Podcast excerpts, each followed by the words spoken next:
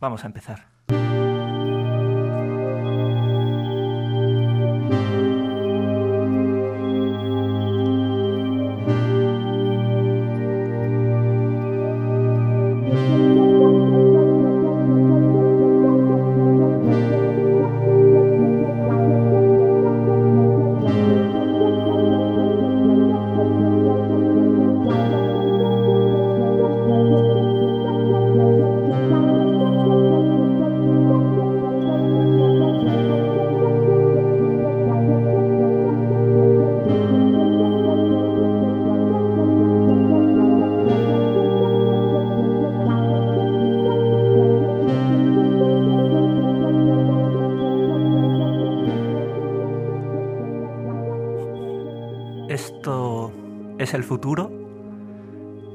De Tabacalera para hablar con cineastas sobre las películas que están por llegar, las películas que todavía no existen, pero que están empezando a imaginarse. En la sesión de hoy tenemos a cinco invitadas. Son las residentes del programa Ikusmira Berriak. Ikusmira Berriak es el programa que realizamos desde Tabacalera junto al Cinemaldi y la Escuela Elías Querejeta Sin Escola para acoger a cineastas que están preparando su próxima película. Son unas residencias en las que las cineastas y los cineastas nos acompañan durante seis semanas en la planta 3 de Tabacalera y durante ese tiempo están escribiendo sus nuevos proyectos. En la sesión de hoy tenemos acompañándonos a los cinco residentes de este año. Por un lado, Magdalena Orellana, Mina Fitzpatrick, Manuel Muñoz Rivas, Eduardo Crespo y Marina Palacio. Como sabéis, El Futuro es un podcast que apela al imaginario y a los lugares a los que nos pueden llevar las imágenes y los sonidos. Por lo tanto, la sesión de hoy va a estar muy basada en sonidos de estas películas que están empezando a existir y en imágenes con las que vamos a poder evocar esas películas que en algún momento podremos ver, ojalá, en la pantalla del festival de Donosti y en las pantallas de los cines de todo el mundo. Digo de todo el mundo porque el proyecto es un proyecto internacional de residencias, por lo tanto hoy vamos a tener también representación internacional. Para empezar, quiero intentar conseguir el tono que suele tener el programa, que tiene algo de viaje en el tiempo, que tiene algo de mezclar futuro, pasado y presente, que tiene algo de vocación, que tiene algo de invocación también. Como os decía, quiero intentar conseguir ese tono, ese tono inicial desde el que podemos empezar a contar, porque esto también es un programa para contar películas, leyendo un texto, siempre utilizo textos para empezar o para apoyar el programa, leyendo un texto de un escritor eh, ucraniano-polaco, Adam Zagajewski, que murió hace poco, y tiene un texto, un libro que se titula Antenas y, y un texto en concreto que es el que voy a leer ahora que se titula Antenas en la lluvia, que creo que apela un poco a este imaginario de, de una radio como, como, la que estamos intentando evocar hoy, una radio un poco perdida en ninguna parte, ¿no? Una radio que podría estar en un barco, una radio que podría estar en otro planeta, una radio que podría estar en el centro de la Tierra, una radio que podría estar en las cuevas de Italia, una radio que podría estar aquí, ahora, eh, sucediendo en Tabacalera. Por lo tanto, comienzo leyendo este texto breve, Antenas en la lluvia, una radio, por lo tanto, bajo la lluvia.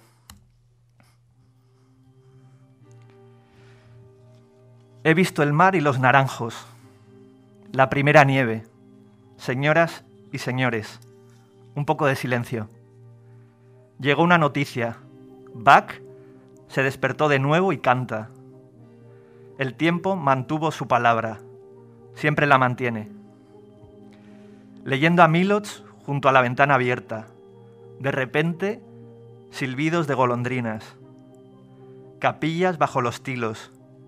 Aquí rezan las abejas. Tanto le gustan las bibliotecas. Zanahoria, cebolla, ciruelas pasas, almendras, azúcar en polvo, cuatro manzanas grandes, preferiblemente verdes. Notas de amor que me dejas. En el Panteón Romano, el cielo raso. Peonias como muchachos en la iglesia. Tipos de melancolía. El profesor en número 6. Irreconciliable. El sol me hace daño, dice un chico en el parque. Rojas amapolas y negra nieve. El mar estaba bravo a medianoche, furioso, a decir verdad. El cine era tan pequeño que la película de Bergman apenas cabía. Puse la radio en onda corta. Alguien lloraba en Bolivia.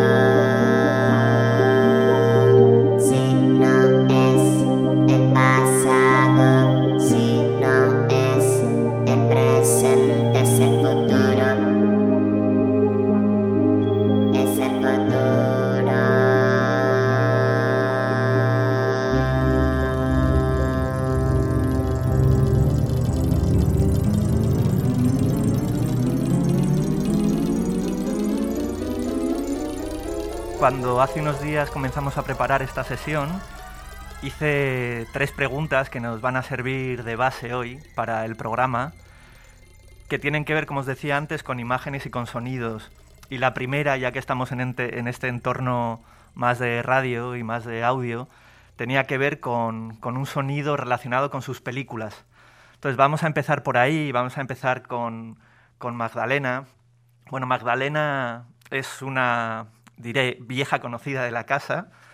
Em, ella fue alumna de Elías Querejeta sin escola, eh, nacida en Buenos Aires, pero vive en Madrid desde el año 2014 y bueno, hemos seguido su trayectoria.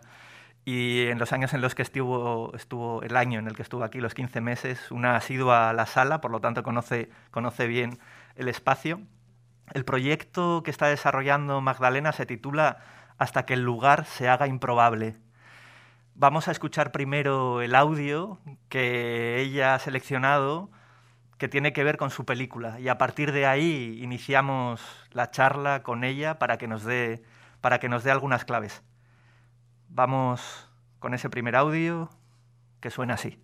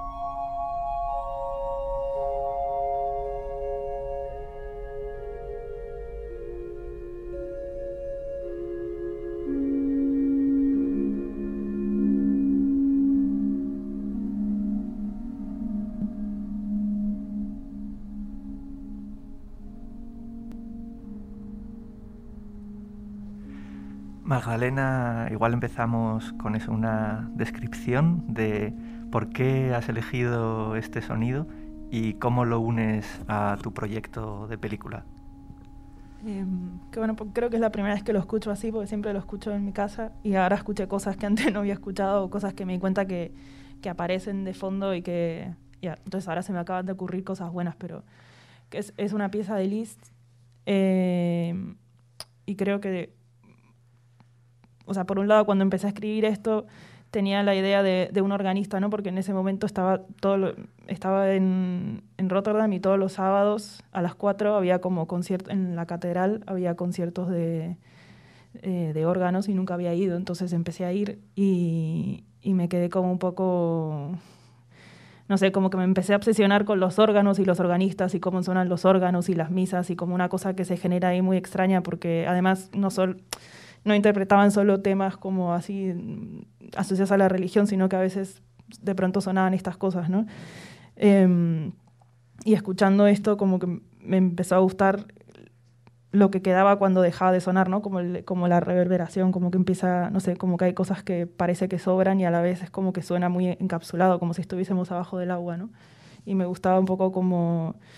Mm, no sé, como los ecos que quedaban cuando, cuando parecía que se terminaba y seguía. Y por otro lado también me gusta que es como una canción muy tímida porque empieza como súper, los órganos a veces son como súper estrepitosos y, que, vibra todo, sobre todo como las notas así súper bajas y esta es como que empieza a irse y como de una forma así muy tímida, como que se va para adentro, no sé. Y un poco cuando lo escucho como que veo como si fuese una especie de teaser de lo que es la película. Em, y me vienen como, no sé, o sea, imágenes de, de la película y también eh, el mundo, ¿no? Como, no sé, como que parece que estamos debajo del agua y me imagino como esos exploradores en el Polo Norte, ¿no? Que, que, les llega, que esto es lo que nos mandan de ahí, ¿no? Eh, y pienso también como cuando se graban los sonidos de, del hielo que se quiebra o, o cómo suena el, el, agua debajo de como la capa de, de, un iceberg, no sé, como que me vienen esas, esas ideas. Entonces creo que lo relaciono por un lado por el órgano, que me gusta esta idea de que hay un organista en la película, aunque todavía no sé si va a estar o no, pero de momento está, o me lo puedo imaginar. Y por otro lado, que como que esta canción para mí es la película en el sentido de, no sé, que me la imagino así, que empieza así, que termina así como muy tímidamente, como yéndose, ¿no? No sé, como que no, no hay un final y es más que nada como una cosa que se, ¿cómo se dice? Como que se evapora, no sé, como que es así, no sé. Y también me, me da como esa idea de como que es muy espectacular la canción también en el sentido de, no sé, pensando en, en, lo que se genera en el cine, ¿no? Como si fuese también una especie de misa o no sé. Mm, no sé. Mm, sí, creo que vamos un poco por ahí. Vamos a hacer una primera ronda. La idea es que vayamos pasando por los sonidos y por las descripciones que nos van haciendo. Y después sí que podremos concretar detalles sobre las películas, ¿no? Pero por ahora a mí sí que me interesa que vayamos generando como este extraño lugar, porque ahora mismo tenemos un órgano, un organista, has citado la Antártida y los hielos y el iceberg. Por lo tanto, vamos a empezar por ahí, ¿no? Por un espacio un poco abstracto que poco a poco iremos definiendo. Voy a pasar ahora a la segunda invitada y al segundo sonido de la, del mediodía ella, la directora, es Mina Fitzpatrick y el proyecto que está desarrollando durante la residencia de estas seis semanas se titula Van der Vogel. Ella también, y esto viene sucediendo últimamente en las residentes de Ikusmira Berriak, podemos decir que es una vieja conocida de la casa y eso siempre nos alegra, ¿no? porque tiene que ver con el trabajo que venimos realizando junto con el festival y junto con la escuela a lo largo de estos años. Ella participó en el año 2017 en el Encuentro Internacional de Estudiantes de Cine, que como sabéis es la sección del Cine Maldi donde acogemos a las escuelas, a las estudiantes y los cortometrajes de graduación generalmente, ¿no? de, de su paso por las escuelas.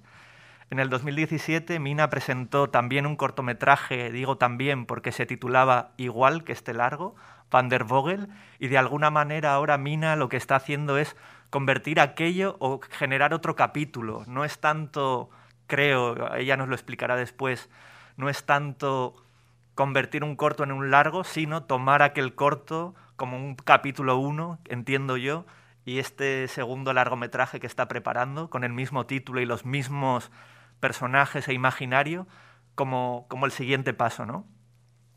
Mina nos ha mandado también un sonido que pasamos a escuchar y que después nos comentará. Ahí vamos. Así suena.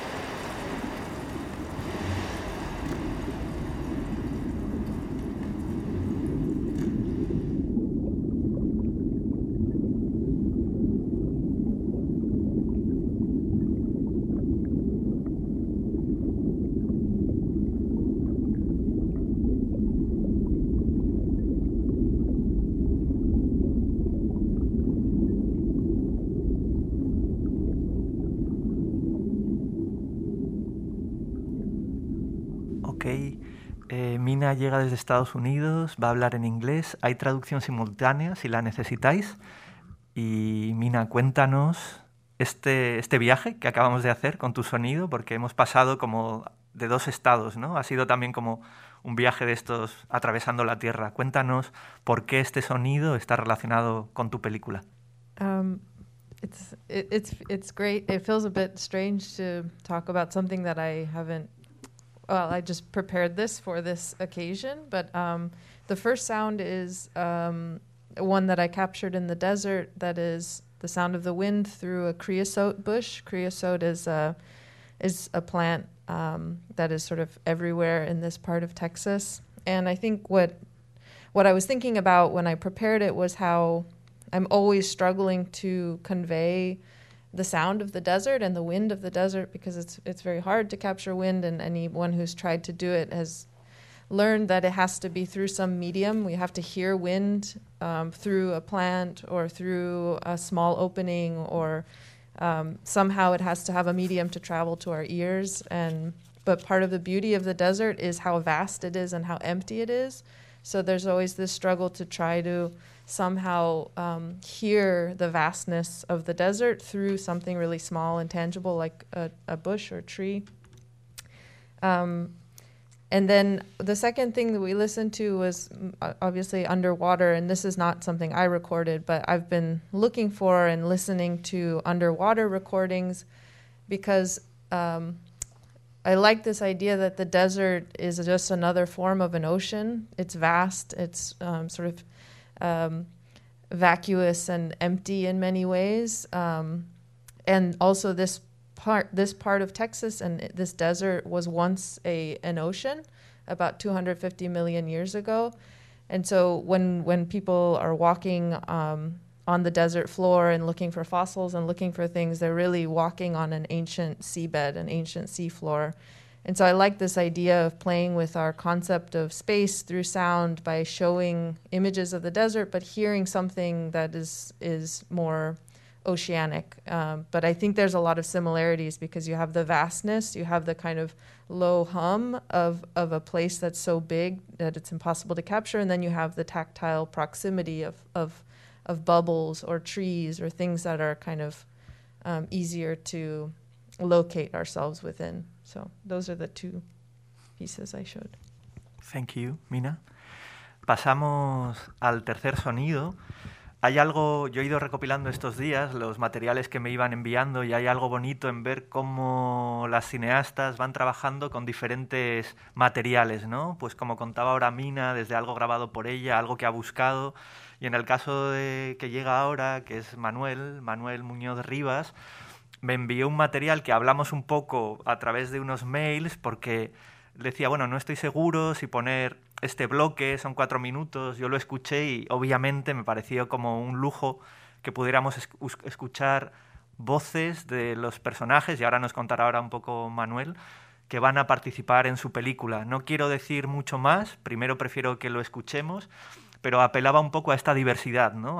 desde lo musical al ambiente de campo sonoro hasta una conversación, ¿no? En este caso eh, padre, madre, hijo.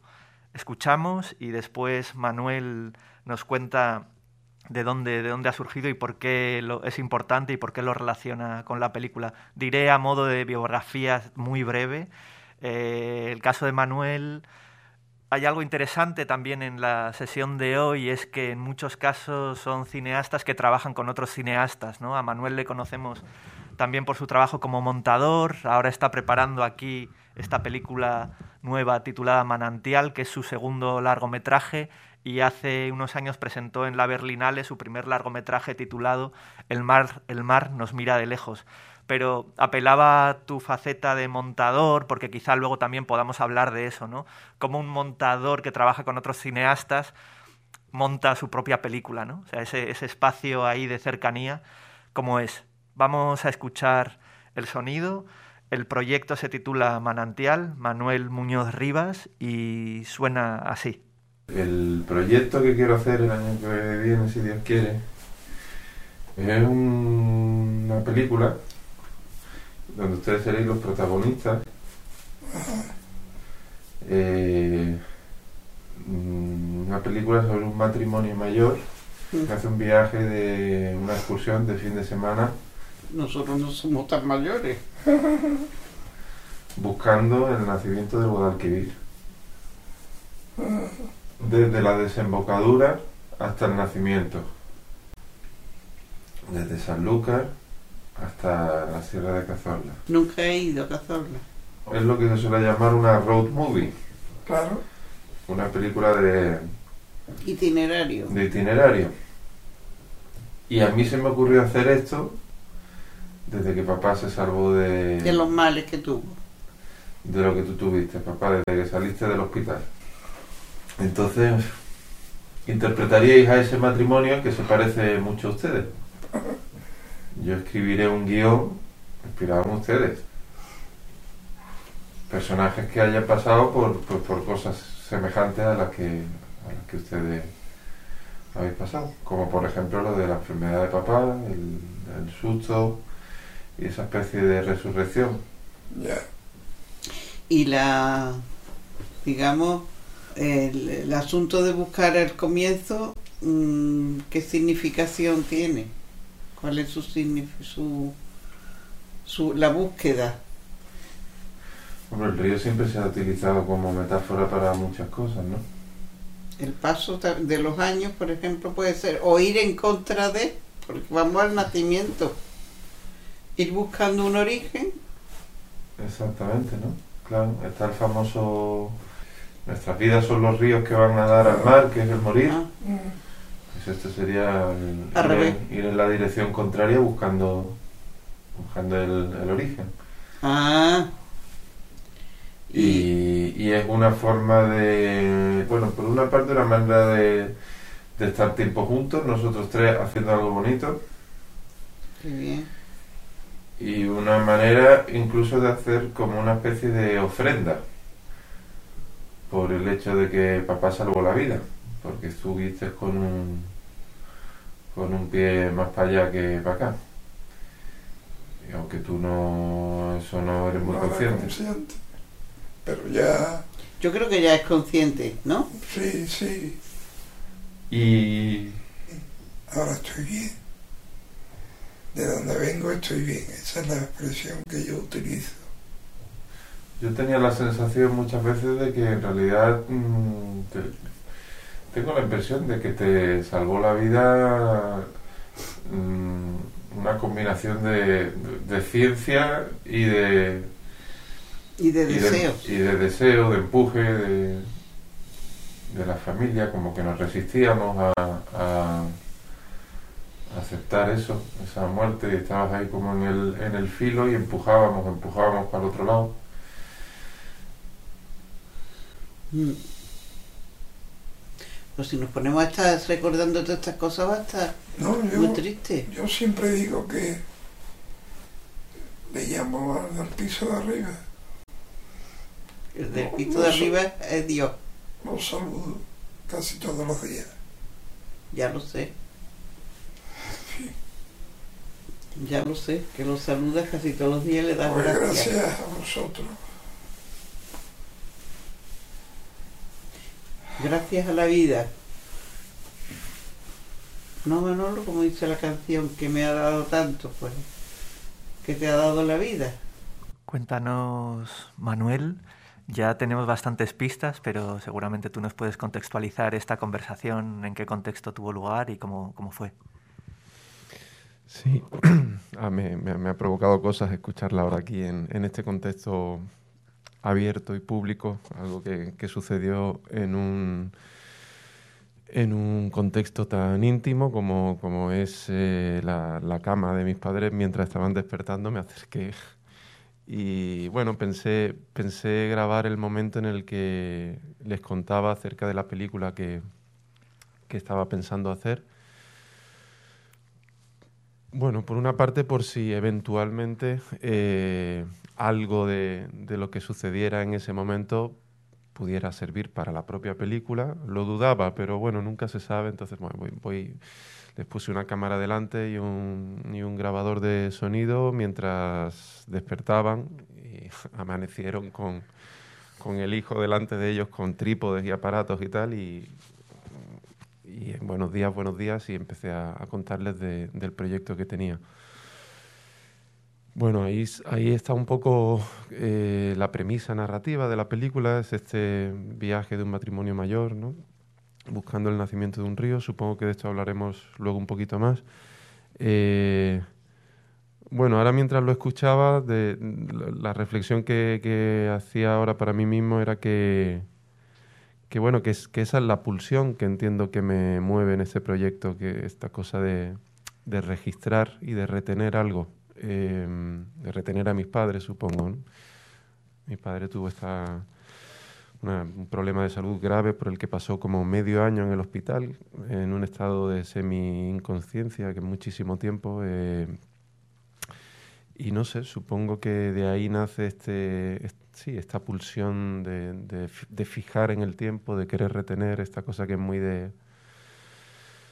Bueno, no quiero sonar así ahora como muy tal, pero eh, And- André Bazin, el gran crítico francés, ¿no? tenía un artículo muy hermoso acerca de, de la ontología de la imagen cinematográfica y hablaba de eso mismo, ¿no? del cine como, como un arte del embalsamamiento, como una herramienta con la cual oponerle resistencia al curso del tiempo, ¿no? Sal- salvar de la erosión del tiempo aquello que para nosotros es preciado o aquello que amamos. Y bueno, pues esto, supongo que esto es lo que late en, en la génesis de, este proyecto y también de lo que acabamos de escuchar. Pues gracias, Manuel, y sobre todo gracias por compartir como materiales tan íntimos de proceso, porque sabemos que muchas veces las películas tienen esta parte ¿no? de uno, una con una misma, buscando, yendo a las fuentes, en este caso además como na- nada más certero, ¿no? que, que es una película que busca el origen de, de- de un río, ¿no? en tu caso. Entonces, gracias por compartir ese material y que, que lo hayamos podido escuchar aquí, porque yo creo que ayuda mucho a, entender también el tono que estás buscando en tu película. ¿no? Vamos a pasar ahora a la siguiente voz, Eduardo Crespo, también, y esto siempre lo voy a repetir todas las veces que pueda, porque también un viejo conocido, no tan viejo, pero un conocido, un conocido. Eh, Eduardo Crespo llega desde Argentina y el año pasado presentó en la sección oficial del Cinemaldi su largometraje Nosotros nunca moriremos. Ahora estos días, durante la residencia de Icus Miraberría, que está preparando su nueva película titulada La Gruta del Viento. Y en su caso también diré que a pesar de que te conocimos como director el año pasado en la sección oficial, sí que hemos visto tus trabajos como director de fotografía en otras películas del cine argentino que han pasado por el festival. Por lo tanto, creo que, que nos conocemos desde hace más ¿no? de lo que parece indicar la película tuya del año pasado. Como decía Eduardo, está preparando este largometraje titulado La Gruta del Viento, relacionado con Italia, diré como cito así como una geografía. Y escuchamos también primero el sonido y después, Eduardo, nos cuentas lo que quieras alrededor de, de esta, de esta pista. Ahí vamos.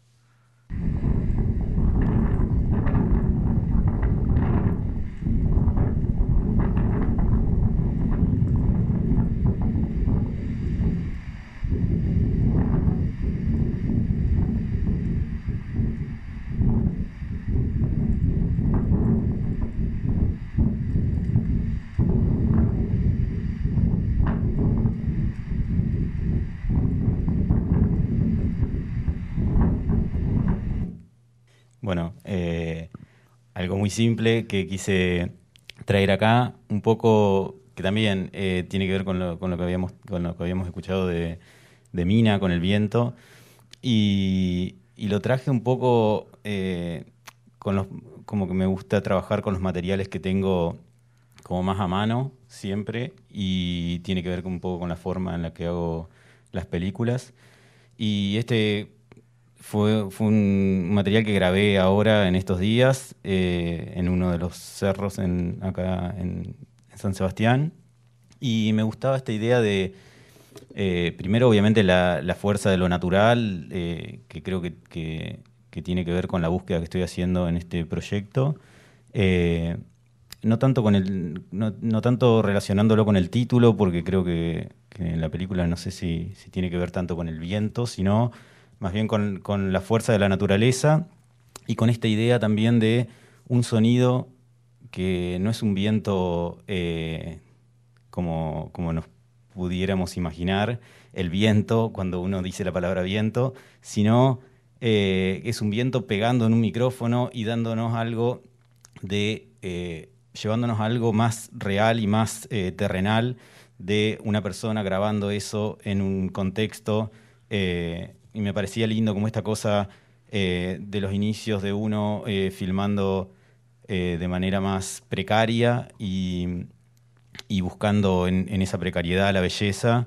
me gustaba esta idea del sonido de, del viento, pero no un sonido limpio, sino un, sonido de, un micrófono atravesado por el viento o golpeado por el viento. creo que, por eso traje ese sonido acá. gracias, Eduardo. Y vamos a pasar ahora a Marina, una vez más vieja conocida. También ha pasado por la Elías Querejeta Sin Escola y el año pasado creo que parte del público seguramente pudo ver su cortometraje Ya no duermo porque se estrenó aquí en esta pantalla de la sección Zabaltegui Tabacalera y después también formó parte del catálogo de Kimuac y es uno de esos títulos que ha estado recorriendo, o que sigue, me imagino, recorriendo el panorama de los festivales. Marina está preparando su primer largometraje, que se titula Y así seguirán las cosas. En el material que me ha mandado, y ahora lo podréis comprobar, ya empieza a ver como correspondencias, ¿no? que esto a veces sucede de la casualidad, así como ahora mismo acabamos de escuchar dos tipos de viento. Eh, en el caso de Marina va a haber como también cercanía con, con, lo que hemos escuchado de Manuel en el sentido de lo familiar, por un lado, y cómo el, bueno, el registro de algo familiar nos puede llevar, en este caso, como a, convertirse en material para, para, una película. Vamos a escucharlo primero y después Marina nos cuenta por qué lo has elegido relacionado con tu nueva película. Ahí vamos. Carrión lloviendo un poco.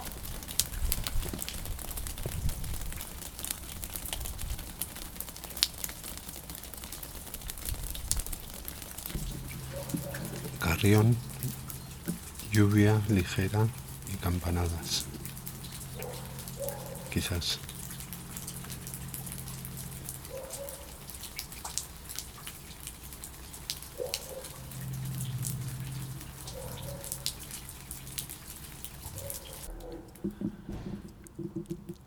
Carrión, campanas.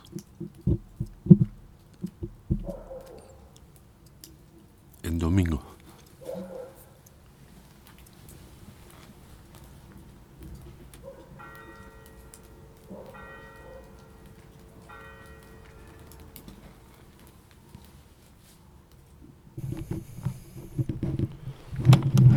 Carrión, pasos sobre hielo.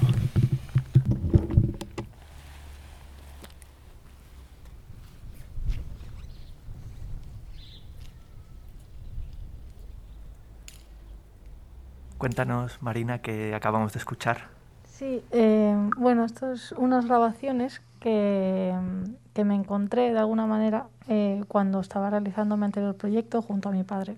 Eh, eh, yo creo que lo he elegido no tanto porque tenga una conexión directa, porque vaya a ser un material que me vaya a servir o que lo voy a utilizar en el largometraje que estoy, eh, en el que estoy trabajando ahora, pero sí que habla mm, bastante de, de la esencia de por qué quizás estoy haciendo el largo o por qué de alguna manera trabajo o me gusta trabajar con el cine.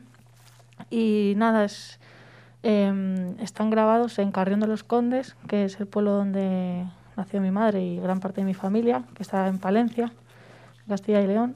Y, y es, son unos, unas grabaciones que eh, me encontré un poco cuando, eh, bueno, yo sabía que mi padre había ido a pasar el fin de semana con mi madre al pueblo y yo no fui, porque siempre vamos juntos, pero esa vez pues eh, fueron ellos dos y, y, decidió él por su cuenta hacer estas grabaciones y me dijo, bueno, yo he hecho unas grabaciones y a ver si te, te inspiran o las tengo ahí. Y, y, luego al escucharlas en casa pues me hizo mucha gracia porque creo que tiene un tono también un poco de humor, un poco de, de lo que ha dicho Edu, ¿no? de precariedad, de pongo el sonido y, y, digo cosas para indicar lo que vamos a escuchar de manera un poco eh, camparadas en domingo. No sé, me parecía bastante gracioso y tierno también, como que eh, creo que hablan también de cómo es mi padre.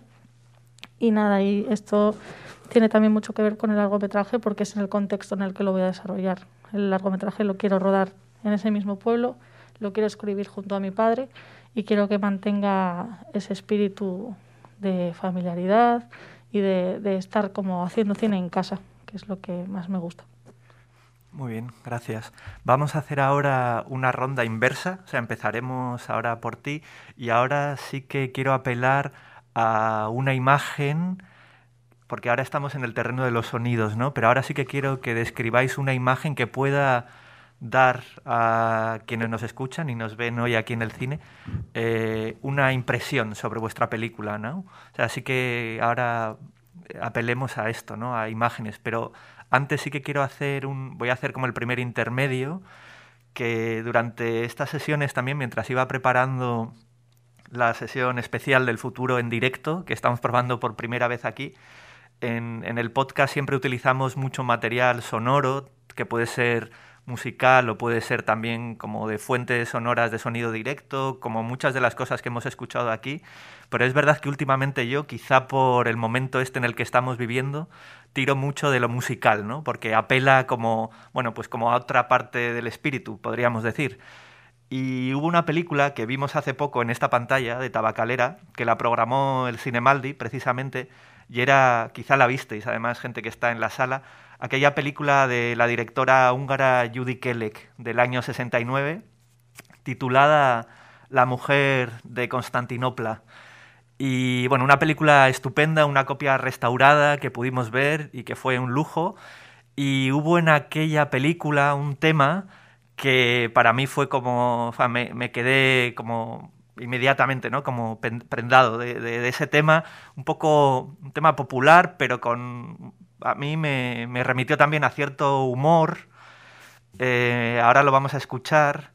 Si visteis la película recordaréis esta letra que reproduzco ahora, que decía algo así como ni ni nia, ni agarrá, ni ni nia, ni agarrá, ni ni nia, ni agarrá, que en los subtítulos pudimos leer que quería decir algo así como mi mi mira el Niágara, mi mi mira el Niágara, mi mi mira el Niágara, es maravilloso.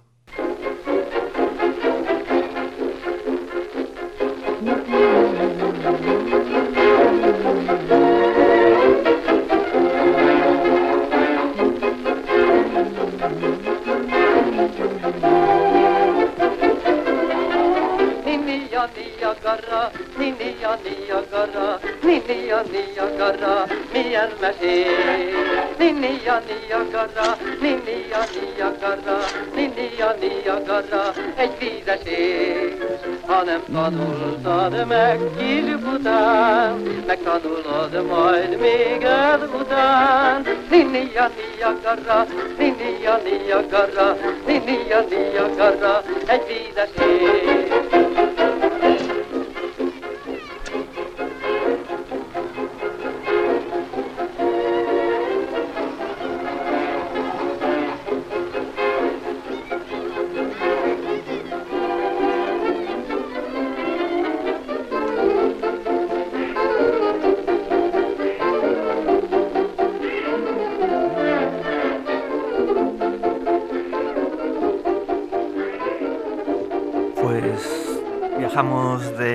Niágara a Carrión de los Condes y hacemos la ronda esta inversa comenzando con Marina y como os comentaba en este mail y ahora lo he vuelto a recordar, ¿no? La idea es ahora que nos deis una imagen relacionada con, con vuestra película, por un lado, y por otro lado también que esta, en esta nueva ronda hablemos un poco del momento en el que estáis con vuestras películas ahora mismo. Comenzamos con la imagen y hablamos también un poco de esto, ¿no? De en qué fase estáis, porque em, son cinco proyectos muy diferentes, me imagino que no todos estáis en el mismo lugar, hay algunos que quizá estén más desarrollados desde el punto de vista de la escritura, en algunos otros quizá estáis trabajando pues en estructura, contándonos también un poco esta parte del trabajo del día a día de la residencia, ¿no?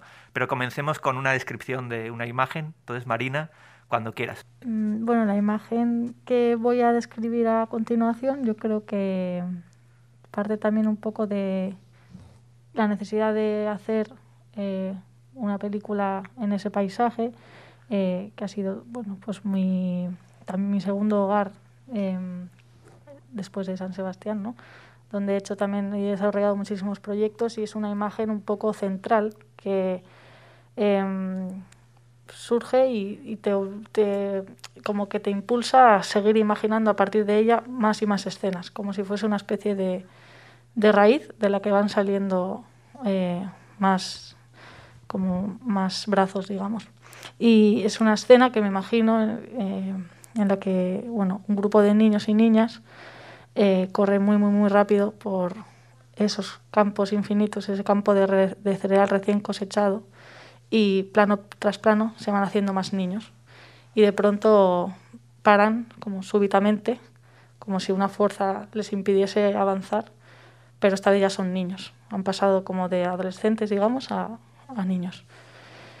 Esa es un poco la imagen que, que tengo ahí rondando, rondando en mi cabeza y que ha hecho que, que empiece a, a imaginar y a, a querer escribir el resto de la película.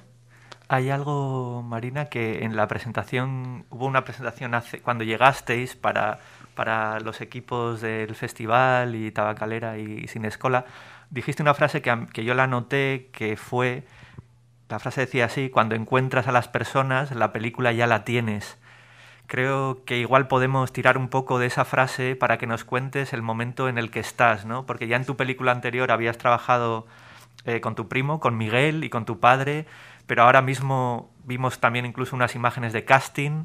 Entonces cuéntanos esta, esta frase que a mí me gustó escuchártela porque eres una directora joven, pero denotaba como bastante seguridad, ¿no? En el sentido de, bueno, si están los personajes, ya está, ¿no? O sabemos que luego queda mucho trabajo, pero, pero cuéntanos qué quiere decir eso en tu caso, ¿no? Si ya tienes a ese grupito de, de chavales que, como tú bien has descrito ahora, ¿no? Que van a correr y que de alguna manera les vamos a ver atravesar el tiempo, un poco como el podcast este, pero hacia atrás. Sí, obviamente, pues eh, las películas tienen eh, un recorrido muy largo y, muy duro y muy bello al mismo tiempo, pero eh, para mí mm, es mágico cuando tienes unas personas que te inspiran a escribir algo o digamos que yo sentía que mm, la idea de este largometraje surgió un poco por, por querer eh, registrar, un poco como decía Manuel, ¿no? querer eh, atrapar el crecimiento que iba a tener mi primo, eh, porque es un, es un niño al que he grabado mucho desde que es pequeño y con el que finalmente hice mi anterior trabajo también y, y me fascinaba eh, como tenerle un poco en mis proyectos y que fuese el protagonista un poco de, incluso un poco la razón de que yo tuviese esa necesidad de, de grabar a, a, personas con mi cámara y, y era una especie de, de, despedida de decir, jo, Miguel va a crecer y, y tengo que hacer una película con él. Lo que ha ocurrido es que durante la pandemia ha crecido demasiado y, y él decía, jo, es, se, se me ha ido ya, ya no es un niño, Miguel ya no es un niño porque estaba justo en un periodo de crecimiento en el que de un año a otro ya eres otra persona. Y eso no quiere decir que, no quisiera hacer películas con él, pero sí que es cierto que tengo algo atado a la niñez que me empuja a querer hacer una película sobre la niñez o quizás un poco por, por el imaginario que tengo yo relacionado a ese paisaje, que es cuando yo era pequeña. Y entonces es cuando de repente dije, pues tengo que encontrar a, a, un, a, un, grupo de niños que, que, me inspiren para hacer la película. Y al principio me sentía perdidísima, de hecho, como que tenía que escribir, pero de alguna manera me negaba porque era como, ¿cómo voy a escribir si, si no sé quiénes son los niños que van a protagonizar la peli? En mi caso, la persona hace que una película sea completamente diferente a otra, porque no es una persona que va a poner simplemente su cuerpo y va a ser una especie de representante o actor de lo que está interpretando, sino que va a ser la propia persona que haga que escriba el guion de una manera u otra y que sus defectos o sus eh, virtudes pertenezcan a la película porque es lo que son. Entonces para mí es como 100%, o sea, tener con mucha ilusión el haber conocido a, este grupo de niños que, viven en Carrión y que además son incluso cercanos a mi familia. Para mí ha sido una ilusión tremenda porque es como ya está, ya la tengo, ya, ya tengo la peli. pero obviamente no, ahora me falta muchísimo tiempo de trabajo, pero bueno, la ilusión o la inspiración ya, ya está como superpuesta, o sea, ya es como ya, ya lo tengo ya tengo a los niños. Voy a apelar un poco a una imagen que hoy estamos en el mundo este de los sonidos, pero nos han puesto un fondo de pantalla. Entonces, en el caso de Marina, esa segunda imagen de una moto y un chico joven ahí, para que no estén en las, la gente que no esté en la sala, es una moto que a mí me remite a una época más ochentera, como esas motos Bultaco, quizá hay público que recuerde, ¿no? Aquellas motos con el tanque rojo de campo. Eh, vemos de fondo un campo de trigo o eh, tierra amarilla, digamos, y un chaval ahí haciendo como una especie de, de caballito o algo así, ¿no? Y sé que en tu película las motos también tienen, hay algo ahí en, el imaginario de las motos y quizá dinos algo a este respecto, Marina, si quieres, y ya hacemos y seguimos la ronda. Sí, en este caso esta foto, de hecho, es eh, mi tío cuando era pequeño. Entonces es como otra vez alimentar toda esa obsesión que tengo ¿no? por la niñez en esos campos. Porque me acuerdo un verano que estuvimos hablando de todas las travesuras que hacían mi tío, mi madre y mis otros tíos en el pueblo y para mí de repente se creó un mundo como mmm, maravilloso que, que, me produjo como más atracción incluso al, pueblo. Y, sí, es, es mi tío que, ahora mismo tiene pues ya 50 años, o sea, ahora ya ha crecido y me, me inspiró, eh, junto también a otro, no, no al 100%, sino me medio inspiró a escribir un personaje que va a pertenecer a la película, que es el único adulto que aparece en la película, que es un hombre solitario que con su moto recorre el campo de, de Castilla y León y siempre está como un poco en la periferia con los niños y hay en un momento dado en el que, bueno, la película también trata solo un poco sobre la despoblación, sobre cómo a medida que el tiempo va para atrás el, el pueblo se va llenando de habitantes, empieza un niño solo y a medida que echamos los, los años se va reuniendo con esos amigos que una vez dejaron el pueblo y ese esa persona que está con su moto, que me imagino también una moto pues roja, es un aviso para el protagonista de la película de lo que podría pasarle si se queda en el pueblo. Y en un momento dado, pues, tal y como lo escrito, en el final se cruzan y se miran por primera vez. Es un poco como eso. Gracias. Vamos a pasar a la siguiente imagen, Eduardo. Cuando quieras, primero nos la describes y después eh, investigamos un poco en lo que nos vayas a decir, a ver hasta dónde llegamos.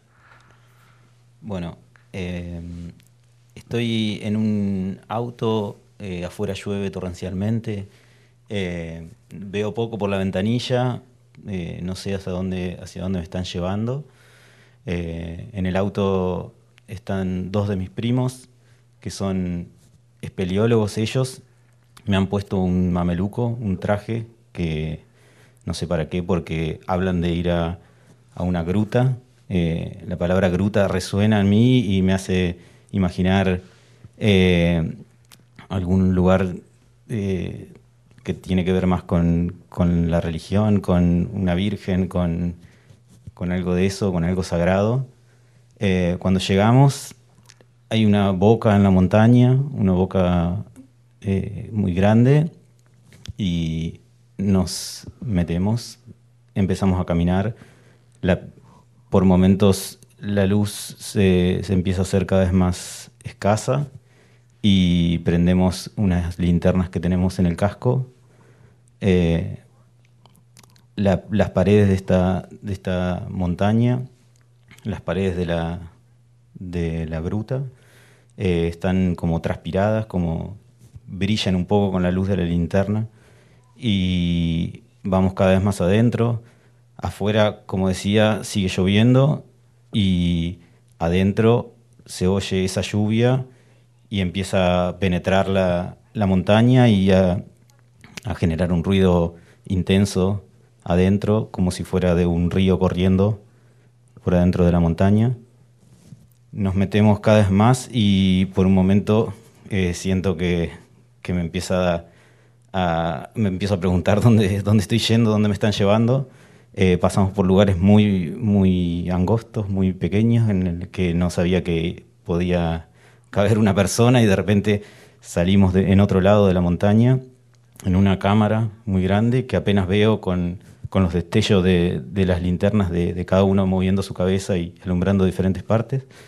Por un momento alguien dice que nos detengamos y que apaguemos las linternas de los cascos y nos quedamos en silencio y escuchamos desde ahí el sonido de, del agua cayendo sobre la piedra, de algunos animales, chillidos de murciélagos y siento que estoy como en, en un lugar muy lejos de, de mi hogar.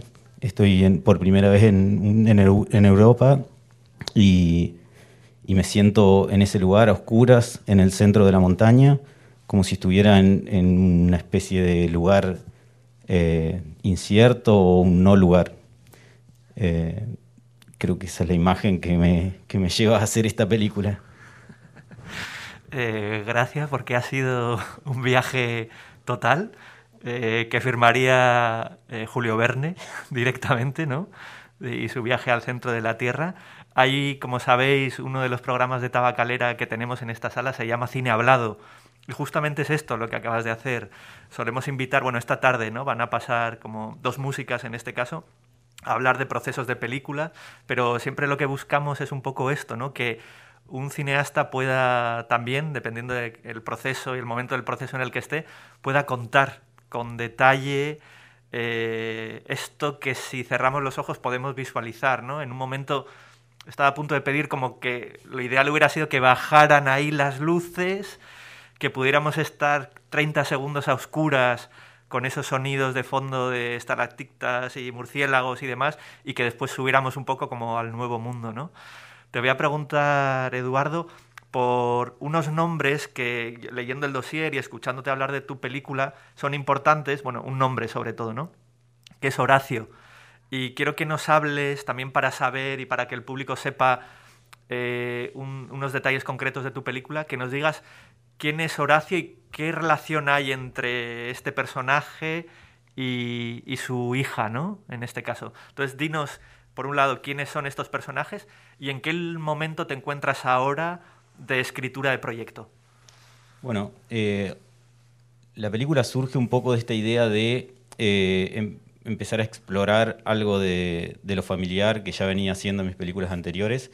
Y mm, Horacio aparece, es, Horacio es mi tío, es argentino, se vino a vivir a Italia eh, con- a partir de una crisis en los 90. eh, y también es veterinario como era mi padre. Eh, yo hice una película sobre mi padre, sobre mi pueblo, y, me quedó algo resonando de, esa, película, de ese documental. Eh, y a partir de charlas que, tenía con él, a, partir de como charlas como de, esquivar temas, digamos, más que de, hablar de los temas, eh, fui pensando en que, había un mundo para explorar en, en esta idea de, de- vivir en otro lugar, de no sentirse parte de un lugar, de tener que empezar una nueva vida en un lugar ajeno. eh, y nada, a partir de eso, eh, como que empecé a pensar que, que, era esto del, desarraigo, cómo se vivía, y, en personas como más de un entorno más cercano, digamos, no tanto en no irme a un extremo de, de una persona que, no sé, que, que, deja, que no sé, que está obligada, sino que, bueno, son decisiones que en un momento se toman. Y de repente me parecía lindo encontrar eso, como tratar de que la película sea como esa, esa sensación de sentirse eh, como solos en un lugar que, que no nos pertenece. Y, y a partir de eso, bueno, voy a en búsqueda de Horacio y de mi prima que, que es espeleóloga y que me lleva a conocer estas grutas y que creo que esas grutas de alguna manera representan ese, ese lugar eh, un poco eh, desconocido y a, y a explorar en el que me estoy metiendo, digamos, en, en este, en este camino de la residencia también, que, que nada, que tiene que ver un poco con ese trabajo, con ir, ir entrando a un lugar desconocido, ir, ir explo- explorando, ir dejando registros de esos, de esos lugares. Y, y nada, y, y qué mejor que hacerlo acompañado de conocidos también, eso como de repente esto, que, sean parte de mi familia, me, me ayuda a meterme quizá con ellos, a explorar esos, esos lugares. Eh, y bueno, y en la película Horacio también tiene como una función de, ir por el exterior y por los os- por un poco más por, por, fuera de la montaña, porque es un veterinario que como que tiene como unas visitas eh, a sus clientes más viejos en la montaña.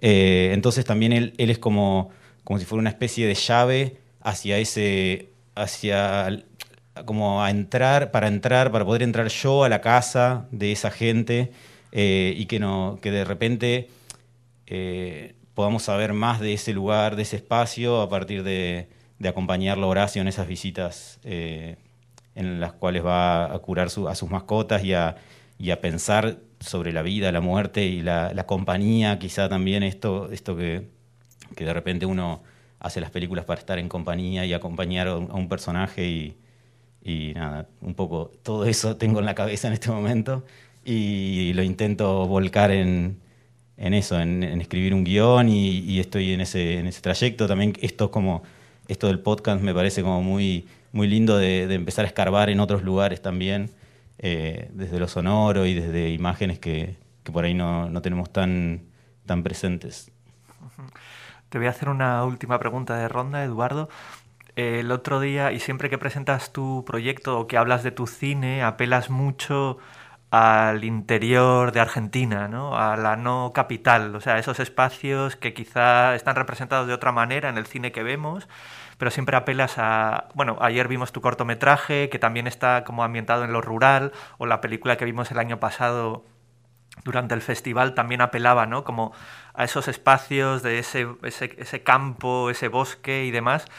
Hay algo muy concreto que el otro día cuando te escuchaba hablar en la presentación me preguntaba si en el pueblo en el que tú creciste había o no cine. Y si había cine, que nos cuentes cómo era el cine de tu pueblo. Eh, te voy a tener que dar la mala noticia de que no había cine. Eh, sí había cuando era muy pequeño y tuve la oportunidad de ir a ver una última película cuando tenía siete años, que quizás es la época esta de la que, de la que, en la que estoy pensando esta película también, que, que quizás esa, esa época de, de la crisis y que mi última película que fui a ver era Chatrán, eh, la, la aventura de un gato, eh, que, también tiene que ver eso, con un cine de aventuras y que, me interesa un poco eso, como un cine de viaje, de este gatito que, que, encuentra a un, a un perro que lo acompaña a volver a su hogar, digamos, que lo ayuda a volver a su hogar. Eh, y pasan por, por algunos lugares eh, como se pierden en un río y en... Y me parece que, hay algo de eso, de esa última película que vi en un cine en mi pueblo. Nada, que, que- me, sigue, me sigue interesando, digo, como algo de estos viajes, de, de- la vuelta al, hogar, de, pensar también eso, de dónde venimos, como, como hablaba Manuel también. Eh, y eso, y creo que también esta, esta gruta me parece que tiene que ver con esa idea de, del cine, de la sala de cine, de la oscuridad, que eso que me, me llamaba un poco, me, me rebotaba y me hacía eco ahí, como decir, bueno, después mi vida pasó a ser eso, un lugar oscuro. Mi, mi juventud fue toda dentro de una sala de cine viendo películas y, y creciendo eh, en una sala de cine también. Entonces como que pienso que ese lugar un poco sagrado que es el cine y que de repente eh, se están eh, perdiendo en, en lugares o se están cerrando salas y, y eso como me parecía como lindo representar de alguna manera ese espacio eh, sagrado de, que es la sala de cine. Eh, pues muchas gracias, Eduardo. Vamos a pasar ahora a Manuel y comenzamos con esta, este esquema ¿no? que nos hemos inventado de una primera descripción y luego charlamos un poco, cuando quieras. Bueno, después del viaje al centro de la Tierra de Edu, lo mío va a saber a, a poco quizás, pero, pero voy allá.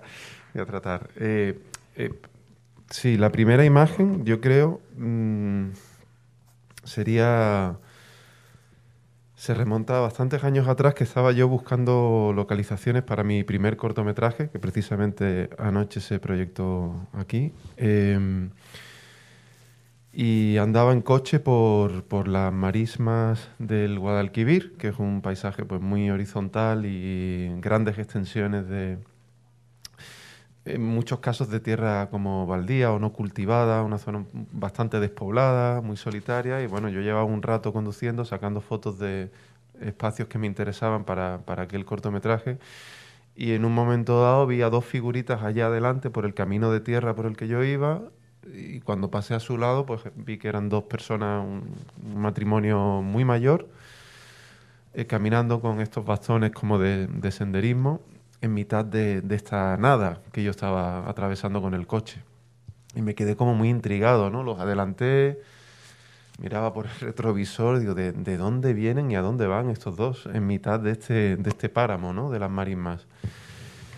Y bueno, se me, esa imagen me, me habitó eh, durante un rato, durante unos días, ¿no? Pensé que había algo ahí, quizás como. Me, pareció que había algo como un poco desesperado en ese, ir caminando en este lugar, ¿no? Tan, desangelado y tan solitario. Una especie de último gesto, quizás. Parecían personas que están, bueno, pues como en el ocaso de sus vidas. Se les veía realmente como muy encorvados, muy mayores. Yo, de hecho, incluso me sentía mal de no haberles brindado luego la posibilidad de llevarlos a algún sitio en el coche. Y no sé, esta, esta imagen ¿no? de dos personas muy mayores en el ocaso de sus vidas haciendo un último gesto y una especie de. como una reafirmación de lo vital, de la energía que les quedara, pues, ¿no? Pues de, emplearla en una especie de gesto de autoafirmación, no lo sé.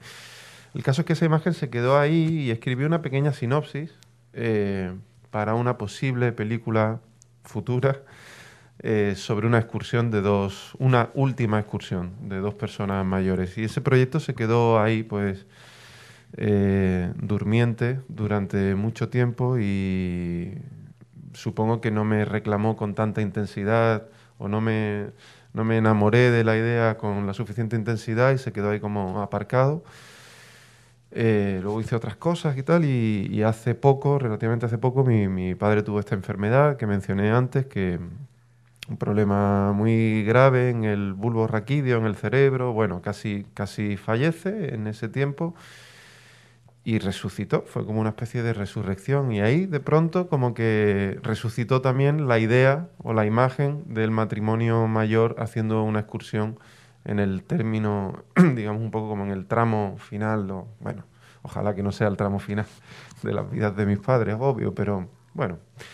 Eh, y apareció también la idea del, del río, ¿no? utilizar el río un poco como partitura y que este itinerario pues fuese en la dirección contraria a la de las aguas que, que lleva el río y, hacer un recorrido inverso desde la desembocadura del río hasta el manantial del que nace, como, como lugar que se podría cargar de, bueno, pues como el gran misterio ¿no? de nuestro origen, de, de dónde venimos y esa imagen justamente que está siempre como velada, que no tenemos una imagen para eso. Mm, y la idea era, pues, bueno, este, este, itinerario como un poco equívoco, incierto, de dos personas mayores buscando el, el nacimiento, buscando el, el, el, origen del río, pues eh, de forma metafórica ese gran misterio. Hubo una imagen que también en tu primera presentación diste y que me pareció como interesante de recuperar ahora, que son los exvotos mexicanos, ¿no? Citaste esto y muy rápidamente visualizamos ahí algo. Entonces, cuéntanos un poco hasta qué punto esta, bueno, este, esta tradición está presente en tu película y después también dinos en qué momento te encuentras ahora, ¿no? Respecto al proyecto. Sí, los exvotos para quien no los conozca, es como una especie de género o subgénero eh, pictórico generalmente realizado por, no pintores, o sea, son, tablillas pintadas generalmente como, como gesto de gratitud eh, a la providencia por haber salvado la vida. Son muy habituales en, en México, no sé si en algún otro sitio pero bueno, son, son muy particulares, tienen algo así un poco como de arte folclórico y, bueno, lo, lo, lo, más interesante o lo que para mí me resulta más, más rica, rico de esa tradición es, es esto, ¿no? que son pinturas que se hacen porque alguien se ha salvado de una situación de peligro mortal y en gratitud por haber salvado la vida hace esa pinturita y la llevan a una iglesia. Eh, y en la propia pintura se suele representar el acontecimiento de, peligro mortal, ¿no? el evento de, del cual eh, se han salvado. Y eh, así, se lo así me lo planteé yo también y se lo planteé a mis padres, que podríamos, esta película podría ser como un exvoto, en el sentido de hacer también como una ofrenda y que el viaje al nacimiento del río en sí constituyese de manera un poco, sí, metafórica, pues una especie de ofrenda por el hecho de que superamos aquel escollo de salud de, esos seis meses que mi padre estuvo como inconsciente en el hospital. Y bueno, también una manera quizás en relación con esto del exvoto como de ritualizar algo, ¿no? Que tiene que ver con cómo nos relacionamos con la idea de la muerte, cómo nos relacionamos con la idea de que esto se acaba, ¿no? De que estamos aquí por un tiempo limitado y tratar de ritualizar algo para quizás, no sé, extraer algo bello de algo que no deja de ser terrible, que es la muerte, ¿no? Y tratar de extraer algo bello de, de esa experiencia. Eh, y en cuanto a dónde estoy ahora mismo, bueno, la estructura de la película, eh, mm, a, a, mí tengo la impresión de que me ha llegado de una forma como muy orgánica y no es fruto de un trabajo o de un esfuerzo muy laborioso de ir pensando eh, cuál podría ser la estructura. Realmente me, me, llegó de forma orgánica, ¿no? Es este, este recorrido, el propio río creo que me va marcando ya como una pauta o una partitura, que es la que seguiremos en el relato de la película.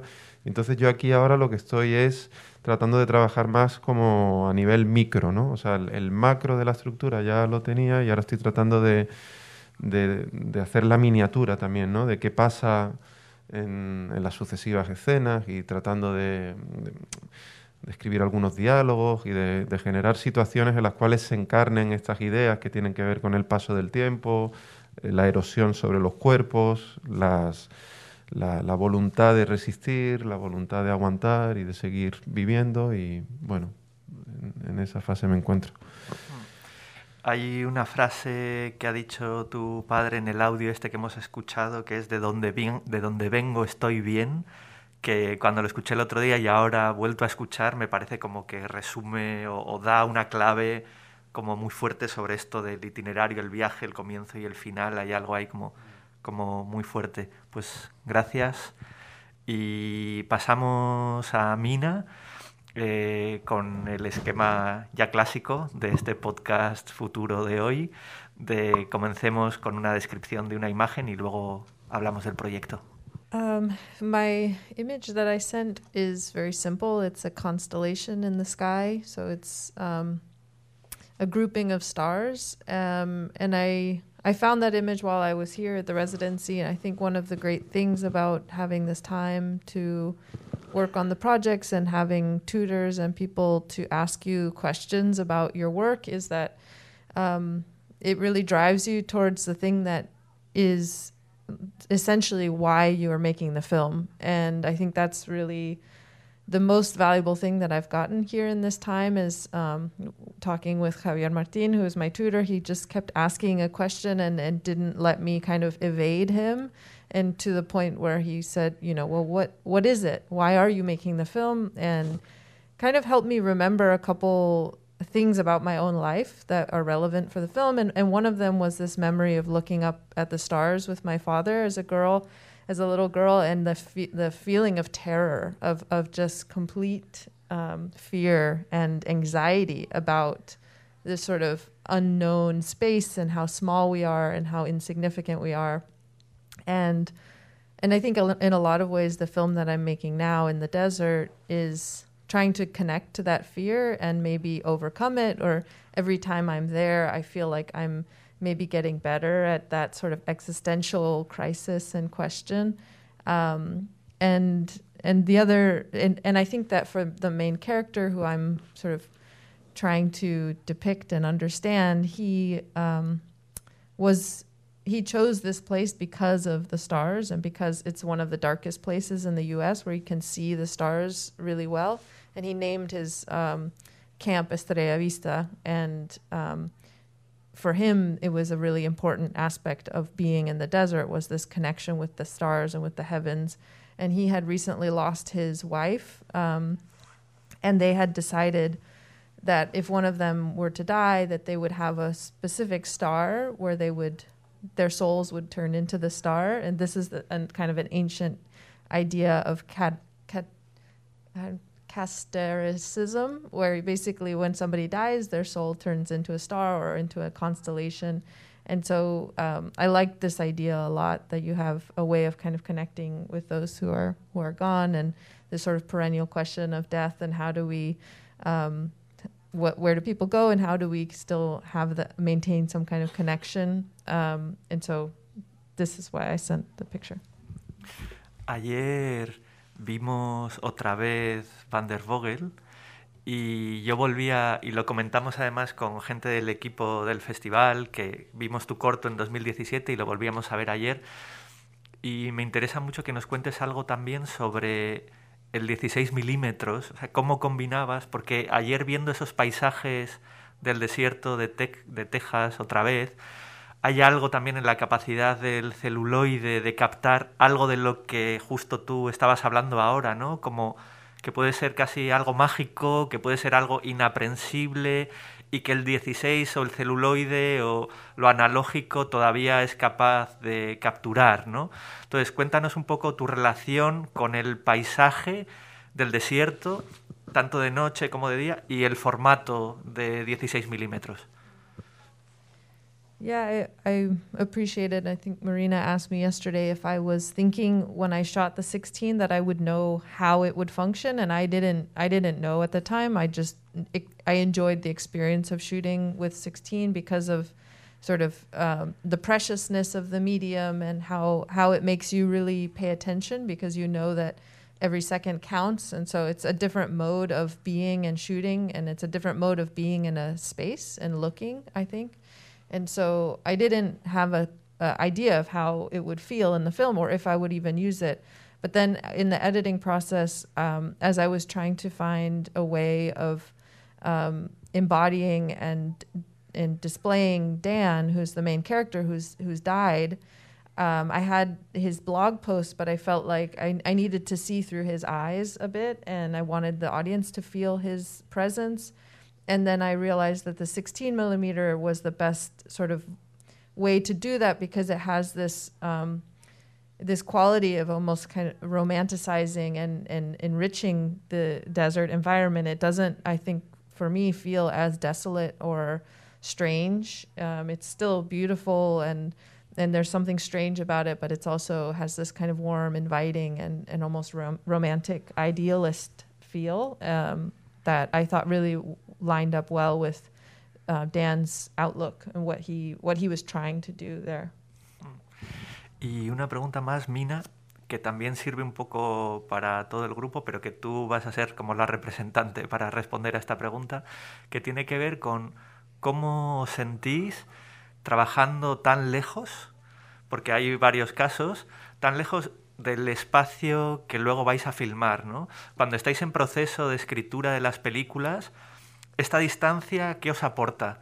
Porque en tu caso es el desierto mexicano, pero puede, uy, perdón, te- tejano, pero puede ser también la Sierra de Cazorla, puede ser las grutas italianas, puede ser en tu caso Carrión y en el caso, en tu caso un espacio como que puede ser muchos, no sé si es Madrid, si es Argentina, si es Donosti, pero ¿qué os aporta esta distancia que os da una residencia, ¿no? Porque entendemos que a veces es muy necesario estar muy cerca del lugar, pero en este caso estáis como a miles de kilómetros, ¿no? Entonces cuéntanos tu caso, que nos va a servir un poco de ejemplo.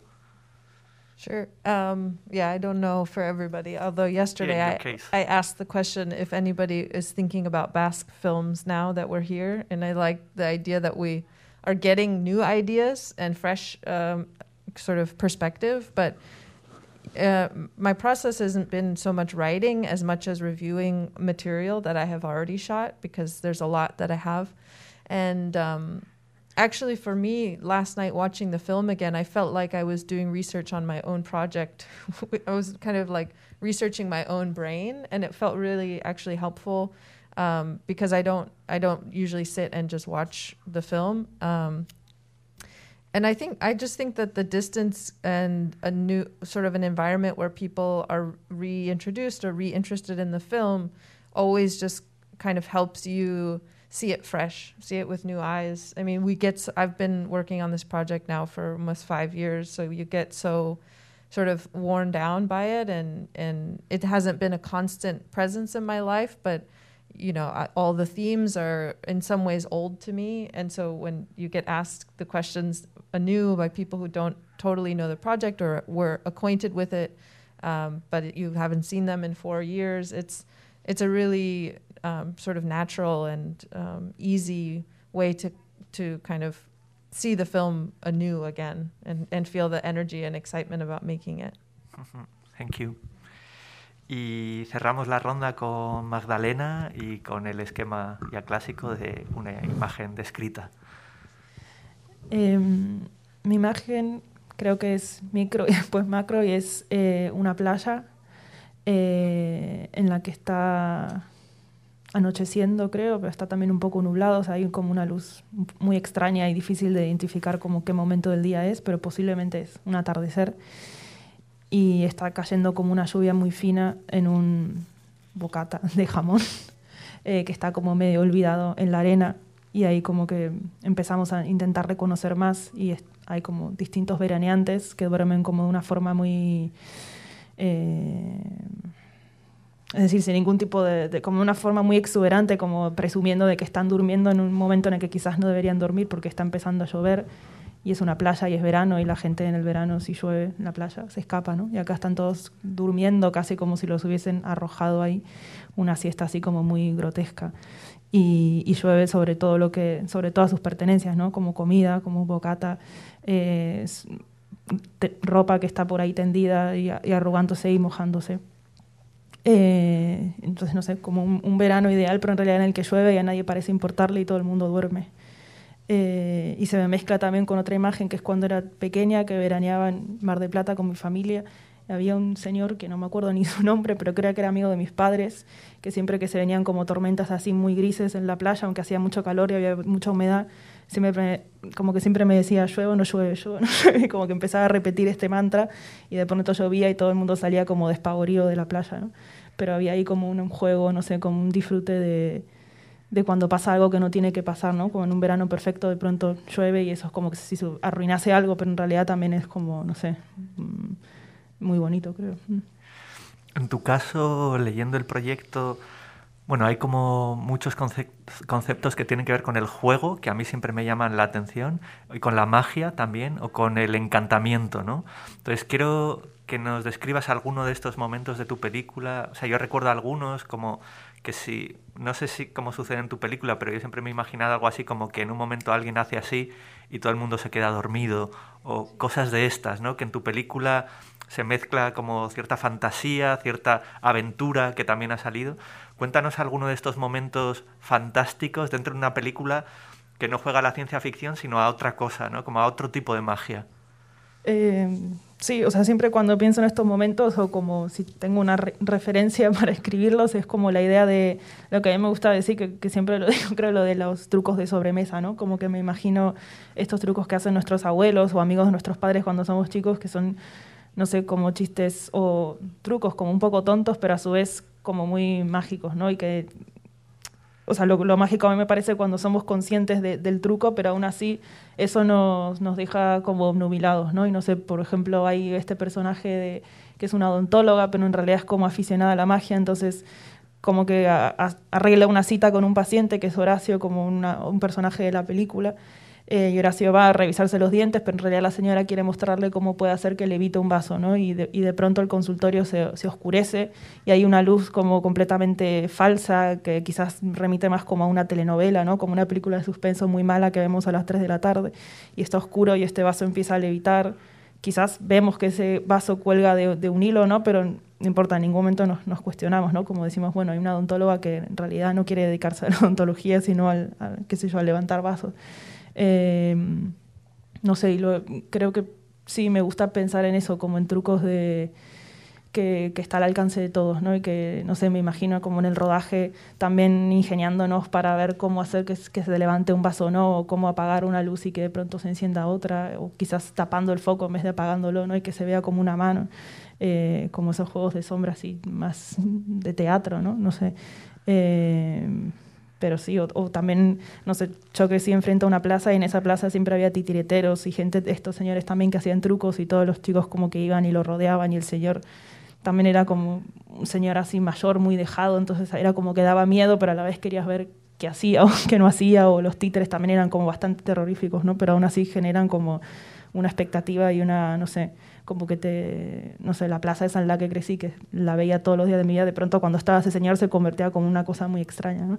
Entonces creo que, no sé, que, que por ahí quiero seguir la película. Para, para cerrar la sesión de hoy, vamos a hacer ya una última ronda muy rápida ya.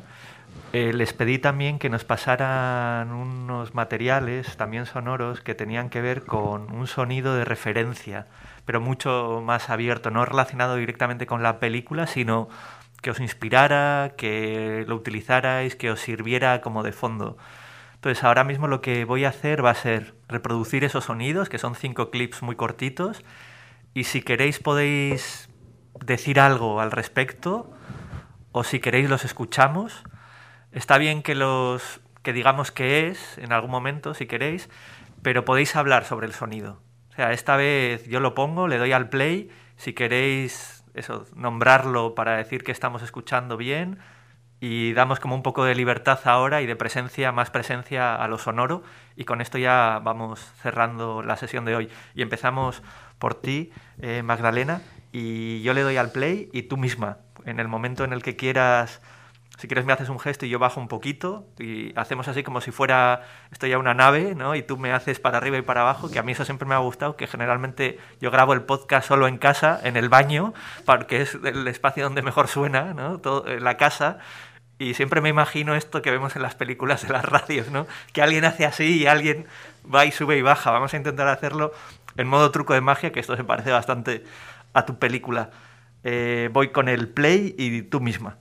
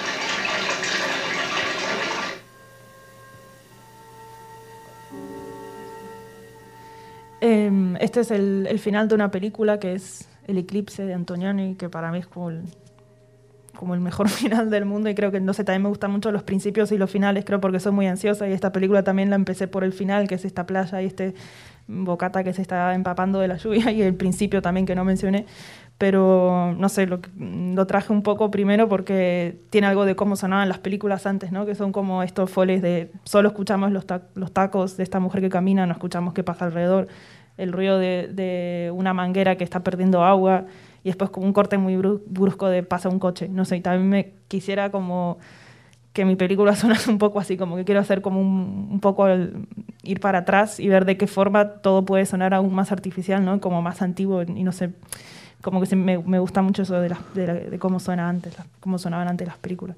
Y también porque el, por lo que no vemos, que quizás es como una película que sigue y se olvida de, sus personajes y la película terminó, la historia como que de una forma se disuelve, pero la película sigue, ¿no? Como por sí sola también, que es como bastante es como otro gran tuco así un poco de sobremesa. Entonces, no sé, por un poco por esas dos cuestiones creo que me gustaba escucharlo y también fue un ejercicio interesante, creo, como escuchar eh, la película y, no sé, sin ver lo, lo que está pasando, que es esta película que sigue. No sé, me pareció como un desvío posible.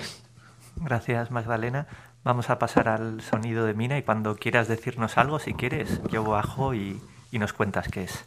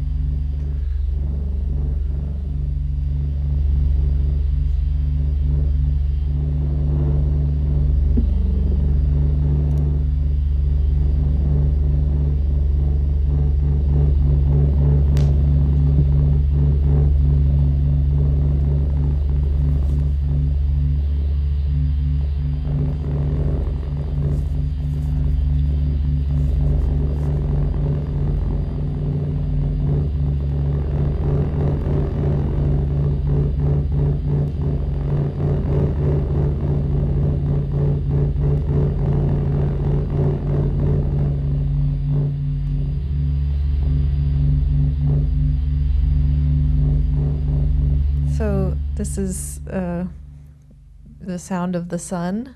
Um, there's not an actual sound emitted from the sun that reaches our ears or that is recordable, but um, the scientists from NASA um, found a way of measuring vibrations on the surface of the sun and taking the data and then turning it into uh, a, a sound that we can hear. So I was um, the main character in my film is um, he starts gazing at the sun because he believes that um, there are people who believe that if you look at the sun uh, directly for 30 minutes every day in the morning and the evening, that it will bring health benefits, that there are like nutrients that you can get from the sun. And some people believe you don't even have to eat if you stare at the sun.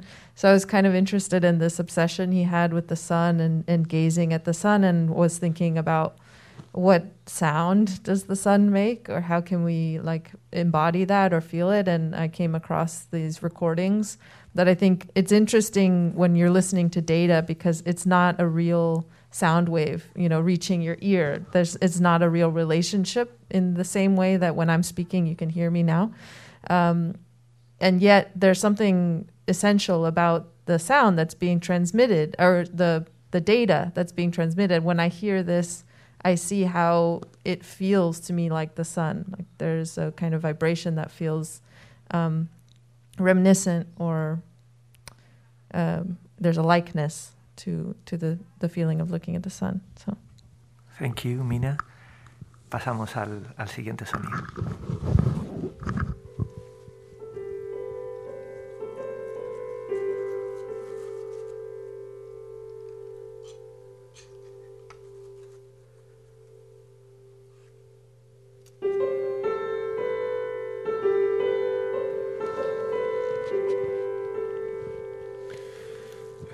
Es una pieza que se llama Reminiscencias de una canción vagamente recordada.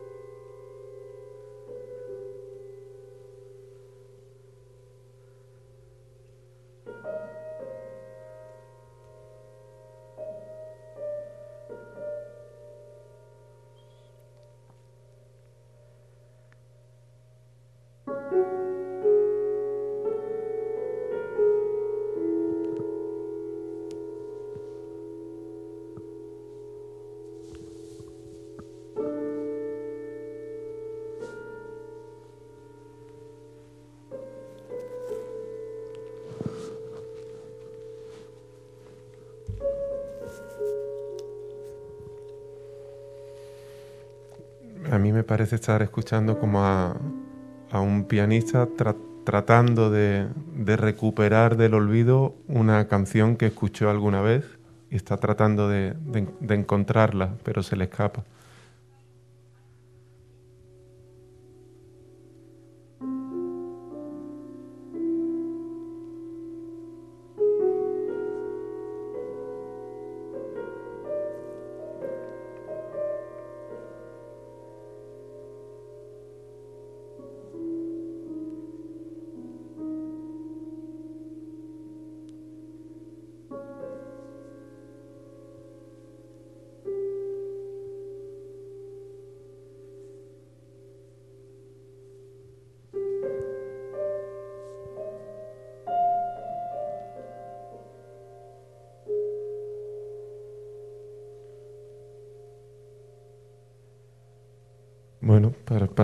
Pieza que tiene un poco esa, esa emoción de, de, algo que estamos tratando de, de evocar, que dejó en nosotros como una, una huella débil, eh,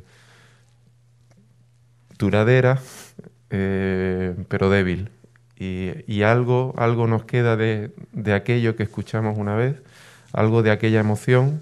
eh, pero está como se, desvanece, ¿no? ¿no? no se deja atrapar, tiene algo un poco inasible. Es como que nos ha dejado un, un sabor, pero tratamos de invocarlo, pero, pero no terminamos de hallarlo. Y bueno, me parece que de alguna manera es una pieza que descubrí hace poco y no sé, creo que, que guarda un cierto parentesco con, con la narrativa de, de la película eh, que va en dirección contraria a las aguas del río, tratando de remontarse río arriba al lugar en el cual todo comenzó. Muchas gracias, Manuel. Vamos a pasar ahora a Eduardo. En este caso creo que al ser, va a ser un texto, por lo tanto igual es mejor que lo presentes primero y luego escuchamos el texto breve. Perfecto. Es un, lo que vamos a escuchar es un poema de Margaret Tite, la directora y poeta escocesa, que encontré por estos días y que habla un poco de, de lo que van a escuchar primero y después hablo. Muy bien. Arboleda. Es un lugar sagrado, visto con calma por lo que es. Es como debe quedar, aunque por supuesto ni nada ni ningún sitio se queda como está. De forma que el momento particular en que la arboleda es observada, nuestra visión de ella, nuestros sentimientos sobre ella y los sonidos que allí oímos, todos tienen una calidad de allí y de entonces y de nunca más. Creo que me habla un poco de, de lo que uno eh, busca cuando hace las películas y de, de este lugar un poco sagrado de, de, de que es una, una obra cinematográfica o, o el hacer una película y, del tiempo y de cómo, cómo el cine puede de alguna manera hacer un jugar jugar con eso como, casi como si fuera un truco eh, eh, con el pasado con el presente y con el futuro y, de alguna manera poder capturar todo como si fuera una, una cápsula eh, y poder guardar todo dentro de eso de una película que algo que, que es muy también muy frágil pero que, que también eso es pasa a ser algo sagrado totalmente sagrado Muchas gracias, Eduardo. Y cerramos ya con Marina y Sí. le doy al play. Prefiero hablar Ok, y luego ya Sí. escuchar, porque si no, no sé cómo voy a hacer. Muy bien. Vale. Eh, vale, lo que vamos a escuchar ahora es una sección de un disco de Steve Reich que dura como una hora y diez minutos, 50 minutos, una cosa así. Y es eh, como un, un álbum, un disco que, que yo tengo, vamos, como súper dentro. Es una cosa que, que, bueno, me descubrió, mi, bueno, lo descubrí gracias a mi padre. Mi padre es un aficionado al jazz, entonces eh, escucha música contemporánea o jazz o lo que sea y, y siempre en el coche está continuamente escuchándolo y claro, yo cada vez que viajo con él pues eh, escucho su música y esta pieza en concreto, este disco es algo que, que creo que escuché por primera vez en Carrión y es, es una pieza que, que va empieza un poco como poco a poco y cada vez va cogiendo más fuerza, más fuerza, más fuerza y es de pasar de, del primer minuto al último, el último como que cada vez es más, se añaden más instrumentos y, y entonces es como más alegre y más alegre y, escucharla para mí en el coche, en, en esos campos, eh, a ese ritmo que es como que los paisajes, como que el paisaje pasa por la ventana al mismo ritmo que, que avanza la canción, para mí es una inspiración enorme para la película. Es- escribo siempre con este disco una y otra vez, creo que lo tengo como en bucle y de hecho hice el ejercicio de ponerme el disco entero haciendo el viaje de, de Carrión de los Condes a Bellasirga, que es como tres kilómetros, cuatro kilómetros de andar. Estuve, me fui con mi padre, que siempre hace ese camino por las mañanas, a las 7 de la mañana, anda, a atravesar ese campo y para mí fue como, como una especie de reafirmación de, que necesito hacer la película, de que necesito tener ese sonido en este proceso y, al final también hablamos de la mucho de la película porque es una película que se rueda en cinco años a la inversa y cada vez los niños, los, los protagonistas hacen niños y cada vez la película es más alegre y más alegre. Habrá cosas también que hagan que no sea tan ideal, pero vamos, que tiene esa, ese espíritu de, de no querer crecer de alguna manera. Le doy al play, tenemos una sección aquí, la fundiré luego para que sepas y Genial. hago ya la salida del Estupendo. programa del futuro y nos despedimos por hoy, pero vamos primero a escuchar este fragmento.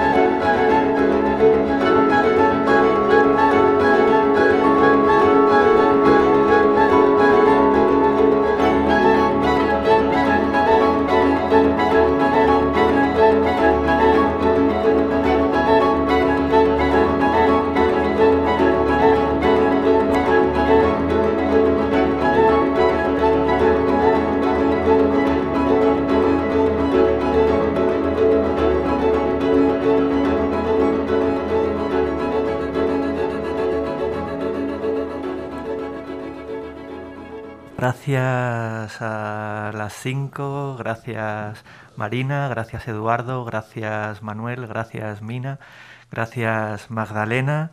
Esto es el futuro, eh, un podcast de Tabacalera en colaboración con Elías Querejeta Sin Escola y en la edición de hoy en colaboración también con el Festival de San Sebastián.